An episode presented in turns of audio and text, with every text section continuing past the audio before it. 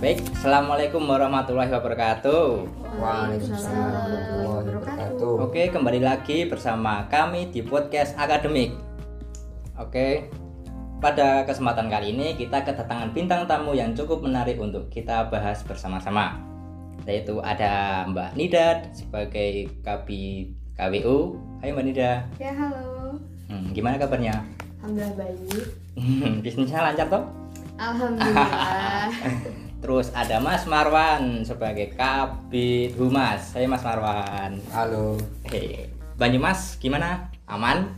aman aman aman. Terus ada Mbak Coy dari FP Forum Perempuan. Oke. Sebenarnya ada satu teman lagi yang ya kita undur sesinya mungkin besok.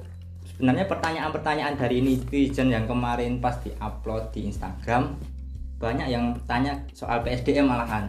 Hmm, Ada yang tanya malah nggak bisa ya. Mm-mm.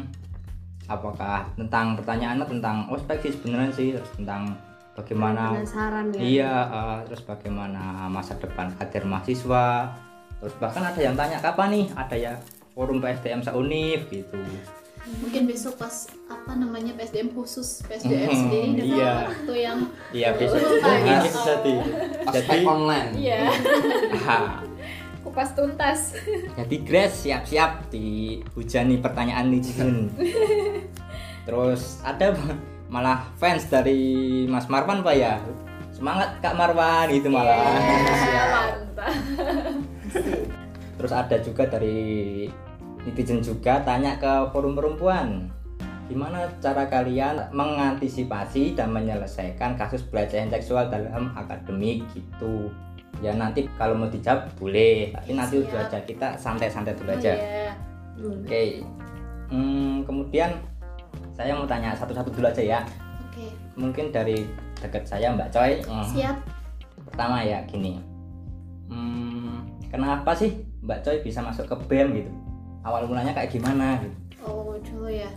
Sebenarnya eh, aku masuk BEM tahun ini Mhm. itu eh, atas delegasi dari PSDM tahun kemarin gitu kan. Oh, nah, iya. kalau ke tahun kemarin kan aku ikut di bidang PSDM terus kenapa kok bisa di ketua forum perempuan gitu kan. Karena memang kemarin kan sistemnya ada kolektif kolegial. Hmm, nah kemarin aku ditemuin sama Buyung sama Rama tuh gitu kan. Diajak gitu. Diajak buat jadi ketua forum perempuan Oh, gitu iya. kan. Dapat dukungan dari ya anak-anak PSDM yang kemarin terus anak-anak BEM dari kemarin. Ya sudahlah kita belajar bareng mengabdi Hmm. bareng. Sebenarnya bukan lagi belajar sih karena kalau belajar pada akhirnya juga tetap apa namanya prosesnya kurang greget gitu kan. Tapi kita benar-benar mengabdikan diri. Udahlah oke yuk bareng-bareng gitu itu Hmm. sih ah di samping itu ada alasan khusus nggak sih Mbak misal Mas Buyung sama Rama ngajak mbaknya gitu hmm, nggak sih nggak ada alasan khusus cuma memang Hmm. Eh, apa namanya waktu itu Buyung sama Rama memang ya butuh bantuan gitu kan dari teman-teman Hmm. buat maju bareng-bareng BMKM ayolah dimajukan lebih giat lagi terus Oh. lebih expert lagi di kampus gitu kan ya ayolah aku berusaha semaksimal mungkin gitu kan. Hmm. ya gimana caranya aku tetap membantu Rama dan Buyung tentunya eh, perlu bantuan gitu kan. Dan aku juga memang ya udahlah nggak apa-apa gitu.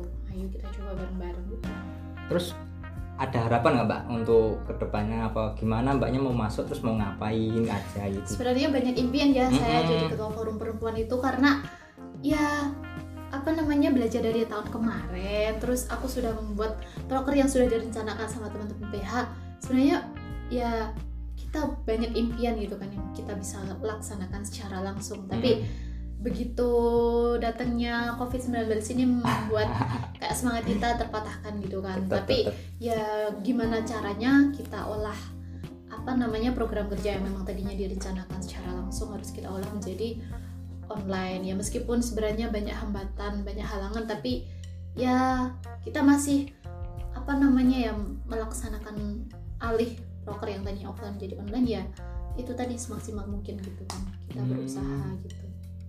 Gitu. Terus selanjutnya Mas Marwan.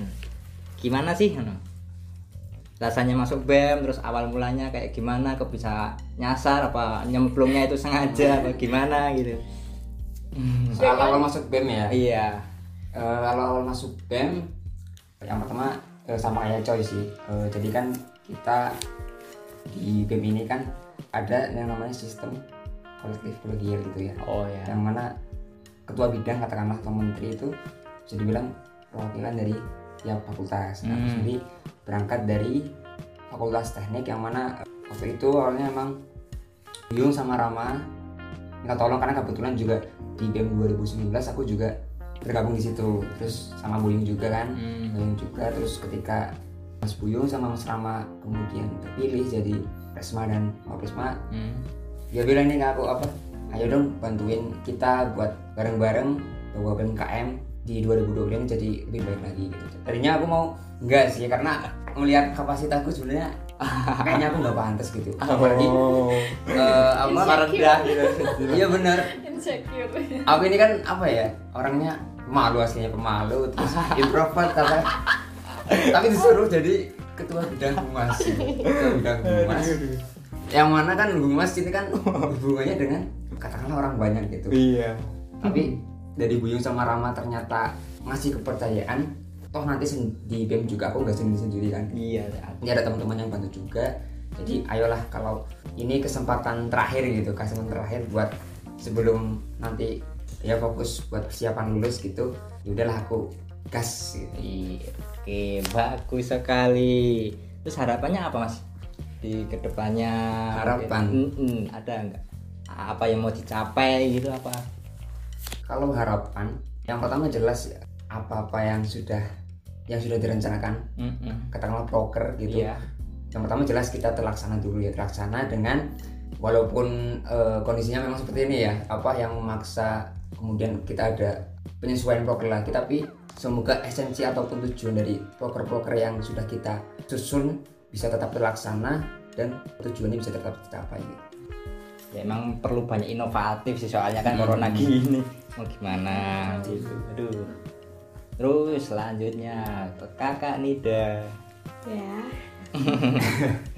kenapa sih Mbak Nida bisa masuk ke BEM sini ke BEM KM 2020 ya. iya Seperti teman saya dua, Mbak Cai dan Mas Marwan. Jadi Mas Buyung, lebih terkhusus Mas Buyung karena Mas Buyung sudah mengenal saya lebih dahulu. Saya tadinya ikut di kepanitiaan Otadama 2019 dan di situ Hmm. jadi satu di jadi koordinator lapangan. Nah, dari situ Mas Buyung Mas Buyung tahu background saya, background saya adalah saya suka kebetulan saya suka berwirausaha nih Oh. ceritanya. Terus Mas Buyung meminta saya untuk menjadi ketua bidang KWU. Nah, dari situ sama sempat sama kayak Mas Marwan saya eh, merasa tidak punya kapasitas apa-apa gitu.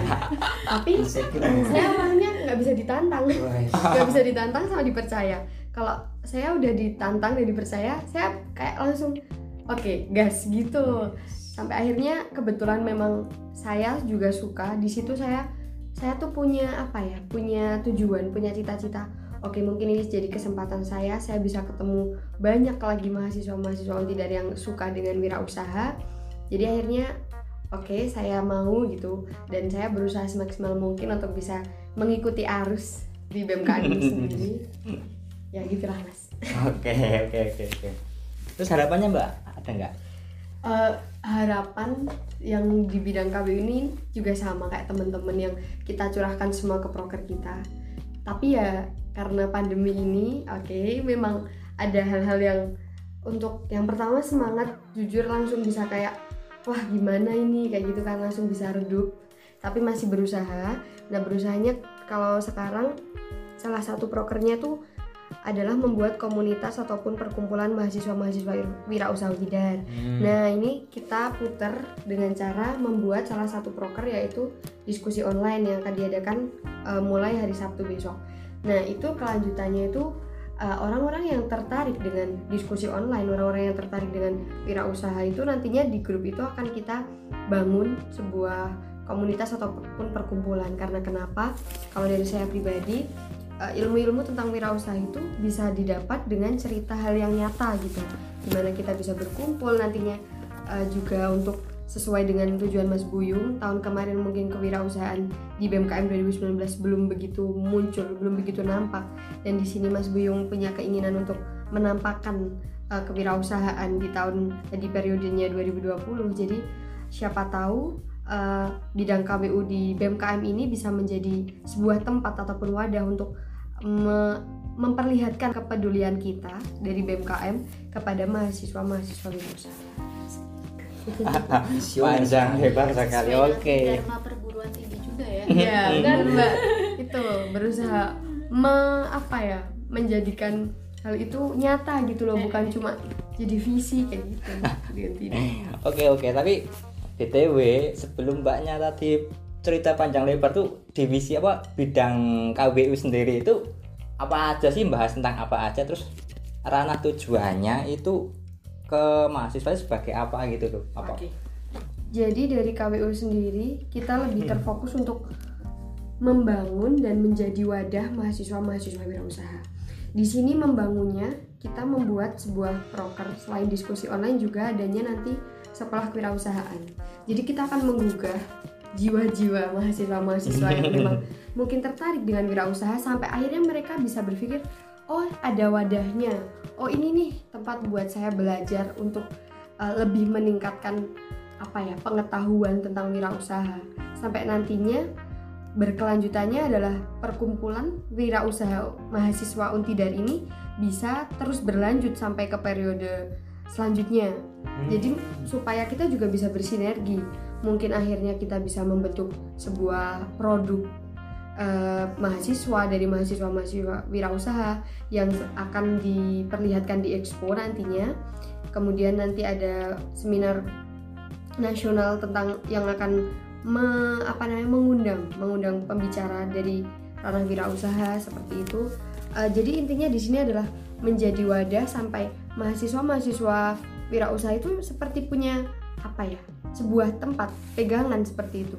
Dan bisa menambah ilmu dan kita berusaha untuk menjadi jalan mereka juga. Bagus sih sebenarnya sih mbak ya. Terus? Ya seperti itu. Terus kalau boleh tahu broker-brokernya itu ada ada apa aja ya mbak ya? Oh iya. Ah, ah. Jadi yang pertama itu kita adanya kita membuat sebuah bermula dari uh, grup WA itu namanya Hmm, Untidar Marketplace. Nah di situ adalah wujud dari kita mewadahi mahasiswa-mahasiswa wirausaha. hmm, Wirausaha di situ mereka bisa uh, dikatakan mempromosikan usahanya. ya Jadi uh, untuk warga Untidar ini bisa lebih mengenal produk mereka, bisa lebih mengenal usaha mereka. Nah, kemudian itu juga digu- digunakan ada di Telegram. Hmm, Setelah itu kita membuat Instagram akun. Itu fungsinya juga lebih apa? membangkitkan gairah berwirausaha gitu dengan kita menge-share mungkin quotes-quotes tentang wirausahaan seperti itu. Kemudian ada itu diskusi online, terus ada Untidar merchandise. Nah, di situ kita akan membuat sebuah produk yang benar-benar Untidar banget gitu. Terus ada seminar nasional, terus expo sama sekolah wirausaha. Hmm, cukup sih Mbak. oke terus terkait proker tersebut kan karena adanya corona ini terus ada nggak ya mbak eh, proker yang jadi terhalang gitu apa Iya. harus dibatalkan atau gimana gitu mbak Hmm, iya kemarin sempat ada proker eh, intinya adalah membuka bazar Ramadan. Nah Hmm. Ramadan sedang tidak bisa diadakan sebuah perkumpulan massa seperti itu, jadi kita batalkan. Oh. misal basar kan tetap harus offline berarti ya kan tidak memungkinkan online Iya waktu itu sih, benar-benar tidak Hmm, memungkinkan. Terus untuk Mas Marwan, ah, kan Rumas, Rumas itu sebenarnya tentang apa aja sih Mas? Ta- Apakah ada pemba- pembagian subdivisinya gitu, terus hmm, jobdesk jobdesk per divisi itu apa aja gitu, terus apa sih poker-pokernya gitu, tentang apa Humas gitu? Jadi di Humas PMKM ya tahun 2020 ini itu di bawahnya itu ada yang namanya sub bidang. Oh iya. Nah, di Humas ini ada dua sub bidang. Hmm. Yang pertama ini sub bidang PR Public Relation sama eh, sub bidang info media dan informasi. Ya, Nah ini eh, sebenarnya proksinya mungkin sedikit berbeda ya. ya, PR ini tanggung jawabnya itu lebih ke membangun relasi baik internal ataupun eksternal Oke. universitas di daerah gitu. Hmm. Internal katakanlah kayak UKM, kemudian fakultas, kemudian ada juga BSO juga Iya. mungkin eh, komunitas gitu ataupun pihak-pihak eksternal gitu. Nah untuk yang sub bidang Medinfo ini lebih ke garda depan nih garda depan untuk apa ya menyampaikan terus menyebarluaskan informasi baik dari dari mahasiswa untuk ke mahasiswa lagi gitu. Itu sub bidang Medinfo. Iya. Cukup seperti itu berarti mas. Proker-prokernya ada. Oh untuk proker ini ini aku jadi satu aja ya. Oh, iya. Proker humas secara keseluruhan gitu. Yang Hmm. pertama itu ada launching kabinet. Launching kabinet itu pengenalan kabinet, kemudian logo, kemudian pengenalan pengurus gitu. Hmm. Itu foto pengurus, kemudian ada studi banding. Studi banding Studi ini studi banding tadinya emang direncanakan offline itu Iya. karena plus cuman karena terjadi pandemi ini kita alihkan jadi online. Iya. itu online. Terus ada proker sambang UKM nah ini sambang UKM ini kita rencana awal juga offline. Kita mengunjungi tiap sekre Oh, iya, sekre iya. UKM sekre UKM teman-teman kita kunjungi. Ya kita main-main lah. Terus sambil ngobrol-ngobrol gitu. Tapi lagi karena pandemi kita buka online juga. Kita pakai media yang ada Google Meet, WhatsApp dan lain sebagainya. Terus yang jelas kalau Medinfo itu eh, optimalisasi media sosial dan KM Oh iya. Instagram iya. kemudian website seharusnya itu tapi kita masih proses website BMKM kita masih proses itu terus ada juga close and phone close and phone ini adalah media atau wadah untuk menginformasikan kayak barang hilang kan sering tuh kita teman-teman ada yang kehilangan barang atau mungkin menemukan barang. Nah kita kita kita wadahi sih kita wadahi untuk biar membantu menemukan barangnya itu. Ataupun ketika teman-teman menemu barang kita bisa infokan siapa tahu itu punya teman kita gitu. Cuman karena karena gitu belum jalan karena di kampus kan nggak ada orang gitu. Iya. itu terus terakhir ya inaugurasi. Inaugurasi ini kita belum ada kabar lagi dari rektorat terkait nanti apakah tetap dilaksanakan Iya. ataupun mungkin ditiadakan gitu kita karena kan inaugurasi kalau online kayaknya Nggak mungkin bisa kan. lah. Masa ya YouTube live gitu. Lucu juga nanti inaugurasinya. itu sih mungkin beberapa poker dari humas Terus kan karena corona ini juga kan banyak yang minta apa-apa ke humas kan semuanya diubah menjadi online. Mm. Nah itu dari humas sendiri itu ada suatu kendala apa kesusahan apa enggak sih karena pandemi gini? nah ini sebenarnya kayaknya Buat info apa gimana? Iya betul di Medinfo. Jadi di Medinfo ini salah satu tugasnya memang membantu teman-teman bidang lain juga bidang mas sendiri itu untuk katakanlah eh, membantu keperluan eh, konten gitu ya konten Iya. visual gitu desain dan lain sebagainya itu. Tapi karena kita memang masih terbatas ya terbatas kata SDM itu memang benar-benar kita kesulitan mengelola di situ. Kita mungkin sering ya, sering ketika teman-teman minta bantuan kita sering telat gitu. Terus mungkin ya intinya karena kekurangan SDM itu kita jadi kurang maksimal gitu. Apalagi kan di masa-masa ini, masa kayak gini keperluan apa konten visual kan kita kan semuanya online ya. Iya. Nah, itu makin banyak gitu. Jadi agak kesulitan di situ sih karena memang nyari SDM SDM yang katakanlah bisa desain kemudian eh, punya skill katakanlah editing video dan sebagainya itu itu cukup susah karena yang maksudnya cukup susah dalam artian dia mau secara sukarela untuk gabung di situ Iya. karena memang tugasnya memang berat kalau dia ini karena memang ya kalau teman-teman yang bisa itu gabung di organisasi untuk bisa nambah portofolio tapi beberapa malah lebih berpikir kalau cuma untuk nambah portofolio kayak gitu dia lebih mungkin mungkin gabung komunitas atau mungkin lebih bisa melakukan secara independen jadi memang untuk mencari SDM yang bisa kayak gitu dan sukarela mau gabung di organisasi itu memang susah Tapi dengar-dengar kemarin katanya mau ada pelatihan desain-desain gitu Nah. Mas, ya? Itu pelatihan desain itu kita ada untuk internal dan sendiri Oh, juga ada pelatihan untuk eh, teman-teman eh, apa ya teman-teman untuk secara keseluruhan hmm. kalau untuk internal ini untuk nantinya biar eh, apa ya memperingan lah memperingan eh, beban dari Medinfo Oh. biar nanti ketika teman-teman bidang eh, membutuhkan katakanlah desain teman-teman bidang bisa Ada yang bisa ada gitu. yang bisa bisa menghandle sendiri lah Hmm, hmm. karena memang takutnya ketika berpusat di Medinfo takutnya proker dari teman-teman Iya. jadi terhambat ataupun molor iya. molor gitu karena memang jadi satu pusat gitu Iya. yang menghandle konten kontennya itu terus untuk yang eksternal ini kita akhirnya eh, teman-teman Indira ya yang punya minat di bidang desain gitu. Hmm. itu workshop desain nanti rencananya eh, bulan September September kita ada workshop desain ini teman-teman yang punya minat syukur dari teman-teman Ormawa juga teman-teman karena memang eh, problem setiap Ormawa biasanya salah satunya itu. Eh, teman-teman yang bisa desain itu biasanya kurang. Siapa tahu melalui workshop workshop itu bisa menambah atau meningkatkan skill desain teman-teman gitu. Soalnya kan ketika kita kekurangan SDM di bidang desain maka ciptakanlah gitu loh mas. Makanya salah Iya, satunya pelatihan itu. Oke. Terus lanjut ke Mbak Coy. Nah kan Mbak Coy kan ini sebagai kapit uh, forum perempuan sebenarnya forum perempuan tentang apa sih Mbak tadi Eh, aku berbicara tentang Hmm. forum perempuan terlebih dahulu Iya. ya. Nah, sebenarnya posisi forum perempuan di BMKM Untidar sendiri kan berdiri sebagai BSO, ya Badan Semi Otonom. Nah, di Mm-mm. sini kan kalau BMKM Untidar sendiri itu kan ikutnya BEMSI.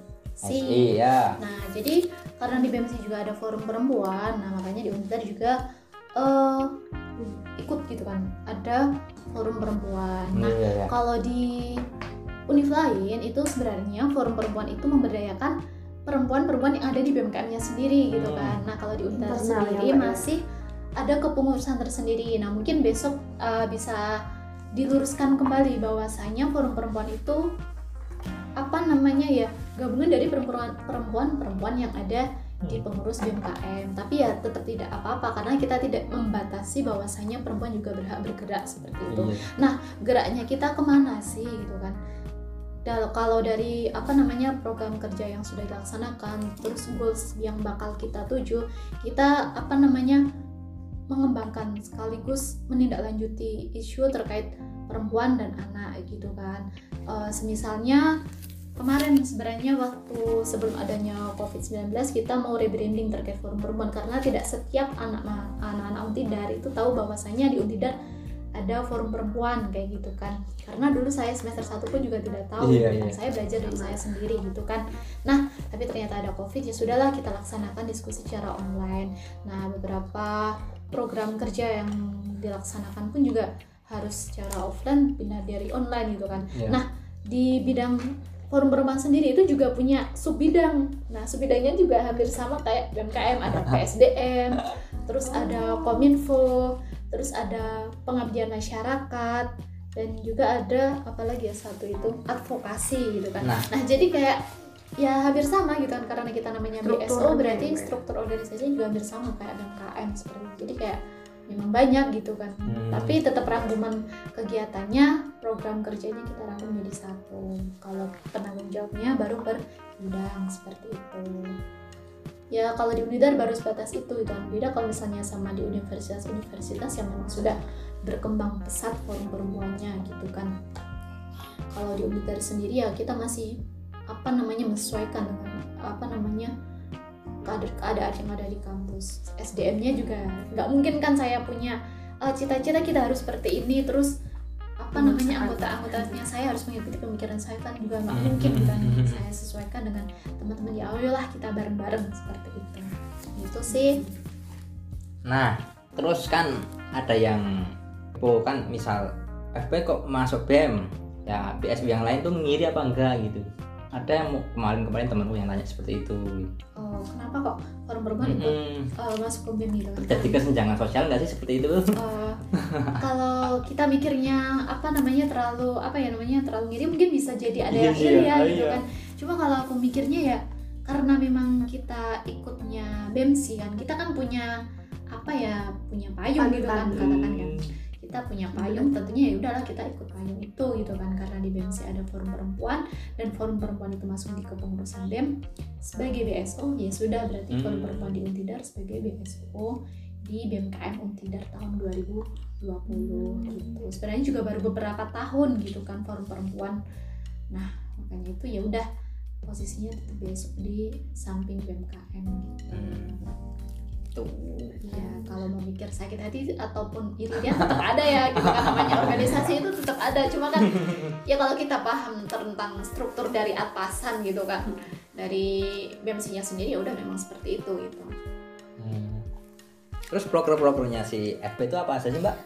Eh, karena kita apa ya punya subidang yang banyak ya. Hmm. Eh, aku rangkum yang memang secara umum ya itu kan. Ada diskusi itu diskusi internal karena kita kan punya kartini muda kartini Oh. muda itu sama seperti eksekutif muda Hmm. cuma kalau kartini muda sudah masuk ke pengurusan kalau Oh. eksekutif kan uh, apa ya semacam wadah supaya apa membangun skill gitu kan tapi kalau kartini muda ikut dalam kepengurusan nah kalau dari misalnya nih advokasi sendiri itu ada diskusi secara internal dan juga secara publik Iya. secara publik itu harusnya setiap bulan sekali gitu kan. Iya. kayak kemarin baru kelaksana sekali sebenarnya udah mau dua kali gitu kan. Tapi kita sering kejebak oleh materi yang kadang sudah hamin berapa hari kita mau laksanakan ternyata tidak bisa gitu kan. Apalagi ada yang online dan menolak kalau online seperti itu. Nah kita harus mencari alternatif pemateri yang ya mau sempat beberapa kali kita harus gagal gitu kan. Hmm. ini besok rencananya juga mau melaksanakan kegiatan diskusi secara online tentang LGBTQ tapi uh, dari sisi kemanusiaan kita bicara kalau tentang kayak gitu jangan pakai nama agama gitu kan. Aku bilang gitu. Kita dari sisi kemanusiaan seperti itu. Kemarin sempat ditolak satu materi kita udah fix speakan tapi ternyata pematerinya nggak bisa berarti kita cari pemateri lain gitu. Nah itu yang diskusi publik atau advokasi seperti itu. Terus kemudian ada jurnal perempuan. Nah jurnal perempuan itu satu periode satu itu tentang terkait isu perempuan. Satu sebagai apa namanya eh, bentuk adanya kartini muda biar paham dan juga apa namanya mendukung kegiatan literasi gitu kan tentang isu-isu perempuan dan anak. Nah bakal ada jurnal perempuan. Ini juga kemarin baru launching tapi di internal forum perempuan sendiri sih. Nanti bakal di launching buat dibaca teman-teman seperti itu. Kemudian kalau dari apa namanya pengabdian masyarakat kemarin kita sempat berbagi terus kemudian mau apa namanya sosialisasi tekan tentang kesehatan reproduksi Hmm. bekerja sama dengan apa sahabat perempuan gitu kan. Tapi berhubung pandemi ini jadi ya sempat terkendala dan kita alihkan apa namanya sosialisasinya kita jemput bola. Pada akhirnya kita bentuk perpustakaan keliling ini Hmm. ya sudah apa namanya lagi bikin proposal juga tinggal naik ke rektorat semoga aja disetujuin gitu kan. Nanti kita jemput bola ke panti asuhan panti asuhan anak-anak yang ada di Kabupaten Magelang untuk sosialisasi juga. Ada apa namanya kegiatan yang membaca buku terus sosialisasi tentang kesehatan dan reproduksi. Itu bidang pengabdian masyarakat tentunya kalau masih dalam keadaan seperti ini kita tetap memakai protokol kesehatan. gitu ya. Nah, seperti itu. Terus kemudian dari apa namanya ada kominfo juga tuh. Hmm. selain kita ngolah sosial media blogspot kan forum perempuan juga punya blogspot tuh. Iya. nah kita juga open platform gitu kan. Kalau tadi sempat ditanya kalau barangkali teman-teman ada yang bertanya sebenarnya forum perempuan punya wadah nggak sih ketika kita mau melapor tentang kekerasan seksual? Ada Iya. gitu kan periode ini ada dan kemarin katanya lagi apa namanya dari bidang kominfo lagi dibikin apa namanya itu pamflet gitu kan. Karena memang Hmm. sebenarnya eh, Google Formnya sudah ada gitu kan. Kita juga sudah bekerja sama dengan DPPA Kota Magelang yang memang mengurusi tentang perempuan dan anak. Nah kita juga membuka platform gitu kan pelaporan gitu kan secara pribadi ataupun melaporkan teman gitu kan. Tapi kita lagi proses pembuatan pamflet semoga bulan ini bisa launching gitu kan. Nanti teman-teman apa namanya kejadian apa pun gitu kan. Karena kekerasan seksual bukan hanya secara langsung berbasis online KBGO Nah, gitu itu kan. sekaligus menjawab tadi pertanyaan Ah, ya, eh, menjawab teman-teman yang barangkali Hmm. bertanya ketika ada kekerasan ber- berbasis online itu pantas sangat perlu dilaporkan Lah. seperti itu seperti kejadian-kejadian di universitas lain jangan sampai terjadi di universitas sendiri gitu kan Hmm. barangkali mungkin teman-teman sudah mengalami gitu kan karena kadang korban itu takut lapor gitu Iya. apalagi kalau nggak ada platformnya nah forum perempuan ya apa namanya ini sedang apa namanya mau merilis Google Form yang memang menerima pelaporan-pelaporan terkait kekerasan seksual bekerja sama dengan apa namanya di PPA Kota Magelang seperti itu. Jadi segeralah gitu kan. Kemarin katanya dari Kominfo Forum Perempuan sendiri mau bekerja sama dengan apa namanya bidang humas dari BMKM gitu kan. Barangkali sudah mengabari mungkin kan karena jaraknya memang harus lima hari kayaknya ya lima hari atau berapa ya kan katanya Iya, katanya bidang kominfo mbak itu pamfletnya bisanya lima hari setelah perapatan ya sudah nggak apa-apa nanti kalau sudah jadi langsung kita langsing baik dari uh, IG Forum Perempuan maupun IG BMKM gitu kan. Nah di situ nanti kita juga semoga bisa membuka diskusi tentang kekerasan seksual di dunia pendidikan itu seperti apa sih gitu kan. Bukan hanya antara dosen dan mahasiswa, tapi antar mahasiswa bahkan antar anak-anak yang ada di organisasi seperti itu. Mohon dukungannya juga dan mohon ketika misalnya memang teman-teman mengalami kekerasan seksual, kekerasan seksual tidak hanya menimpa seorang perempuan, tapi juga laki-laki bahkan bisa. Monggo silakan mungkin nanti ketika ada platform silakan melapor gitu kan. tuh Karena dengar kita nggak bisa nih ada korban tapi kita suruh neliti satu-satu gitu. Iya. Kita bisa tahu karena ada pelaporan seperti kita saling support seperti itu deh. Itu aja. Itu sih sedikit tentang apa namanya pelaporan kalau ada kejadian kekerasan seksual. Lebih lanjutnya nanti bakal di share. Jangan lupa follow IG-nya BMKM Untida dan juga FP Untida. Gitu ya teman-teman. Nah, mungkin cuma itu sih pertanyaan-pertanyaan yang mau aku tanyakan ke kalian. Soalnya kan juga terbatas durasi juga. Kalau kita nanti ngobrol panjang lebar sampai Gak berjam-jam. kerasa udah lama Iya, ya. pendengarnya malah bosan nanti. Ya, pokoknya kan semoga saja ini podcast bisa memberikan informasi ke pendengar tentang apa sih eh, bidang-bidang yang ada di BEM tentang KWU, Humas, FP gitu. Nah, terima kasih juga sudah mau hadir di podcast kami. Semoga jangan kapok pokoknya nanti kalau ada part 2-nya loh, tentang isu-isu terkini tentang apa langsung dipanggil podcast kami gitu. Oke, terima kasih. Assalamualaikum warahmatullahi wabarakatuh. Waalaikumsalam warahmatullahi wabarakatuh.